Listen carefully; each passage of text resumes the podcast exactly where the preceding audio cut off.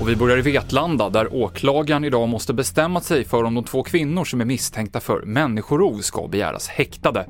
Sökandet efter den 21-åriga kvinnan som saknas sedan en utekväll i lördags ska återupptas nu vid klockan 10. Ericsson rasar över 10% på börsen efter en svagare kvartalsrapport än väntat. Nu ska bolaget kapa kostnader och dra ner på personal, säger VDn.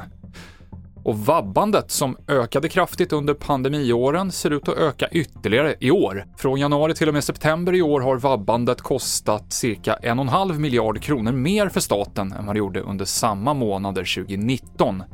Försäkringskassan säger att det generellt blivit mindre accepterat att skicka småsnoriga barn till förskolan och det ligger bakom att fler föräldrar måste vara hemma.